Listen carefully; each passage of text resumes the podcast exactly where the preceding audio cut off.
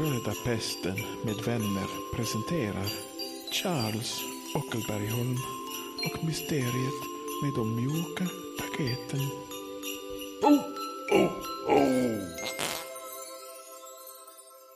Pirko, Mads och Charles har tagit tåget till Stockholm. På tåget hade alla ljudklappar förvandlats till skit. En brunögd man satt i tågvagnen och såg väldigt nöjd ut, varpå han försvann igenom en dörr ut i intet. Väl framme i Stockholm, säger Charles. Mycket märkligt det där. Mats, eh, tycker inte du det också det? Ja, det var ju lite märkligt, men jag vet jag tycker det låter lite som en säge. Både du och jag såg det, Pirko, eller hur? Han, han bara gled igenom dörren som om han vore en vind i natten. Ja, detta är högst märkligt. Jag har aldrig varit med om någonting tidigare. Jag ska nog ta fram mina böcker om eh, eh, Carl von Linné har skrivit. Mm, Jag tycker det påminner om den gången då jag räddade en hel stad vid namn Huaröd från en tomte som förvandlade allting till urin.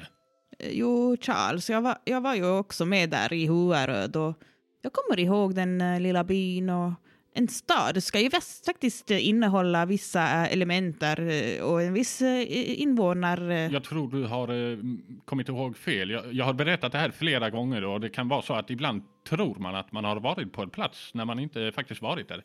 Men det, det, det är lätt hänt.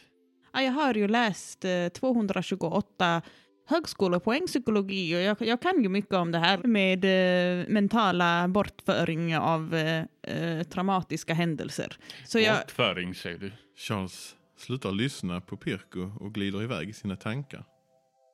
Bortföring. Bortföring. Ursäkta, eh, vad, vad sa du? ja, jag pratar om eh, mentala blockader. Ja, blockader. Eh, Så Pirko, Ja, varhen går eh, färgen? Färjan går bara en liten bit bort här. Det är bara en liten promenad. Säger Pirko och gänget gör sig redo för att promenera till båten. De går längs Stockholms gator och när de går förbi det kungliga slottet så säger Pirko En gång i tiden så tillhörde faktiskt Sverige Finland. Eh, och den här fina, fina slottet, det var ju uppbyggt av finska män. Och här ligger det stora kungliga biblioteket. Jag har eh, studerat många, många, många timmar i denna bibliotek. Det är mycket, mycket fin bibliotek. Så det är där eh, kungen bor, eller är det... Ja, självklart bor han där. Det heter ju kungahuset. Aha, det, det, vad stort han bor. Det är nästan som... Nej, jag- eller ja, jag skulle vilja bo så stort helt enkelt. Ja, jag vet det. Jag känner till det, Charles. Charles eh, får en finurlig min och tänker för sig själv. Kanske kan vi bli adlade av den här kungen. Är det inte... eh, Pirko? Jag vet det, Charles. Är det inte här båten ska gå?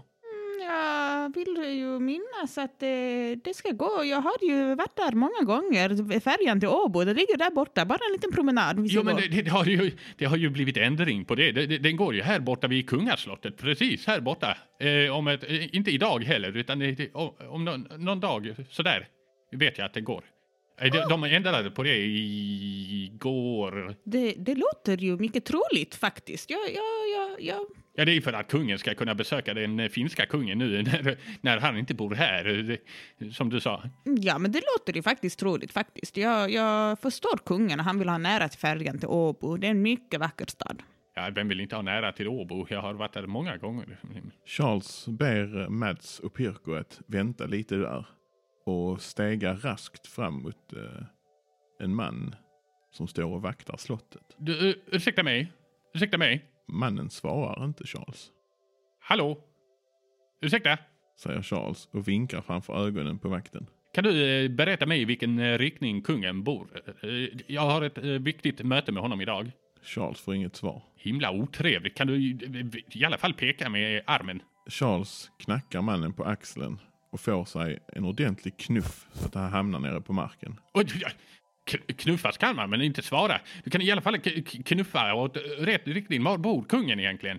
När Charles ligger där på marken och borstar av sig snön så uppstår det ur liksom tomma intet en ful eh, liten tomte med yvigt skägg och bristande självinsikt. Och säger Äventyrsflykt. Eh, Var, var kom du ifrån? Äventyrsflykt. Eh, vad- är detta med äventyrsflykt? Ni ska ju till tomten i Finland och inte prata med kungen Men, eller? Vem är du och vad, vad vet du om det? Jag, jag behöver prata. Känner du kungen? Var bor kungen? Det här är äventyrsflykt. säger den lille tomten och liksom går upp i rök. Himla märkligt.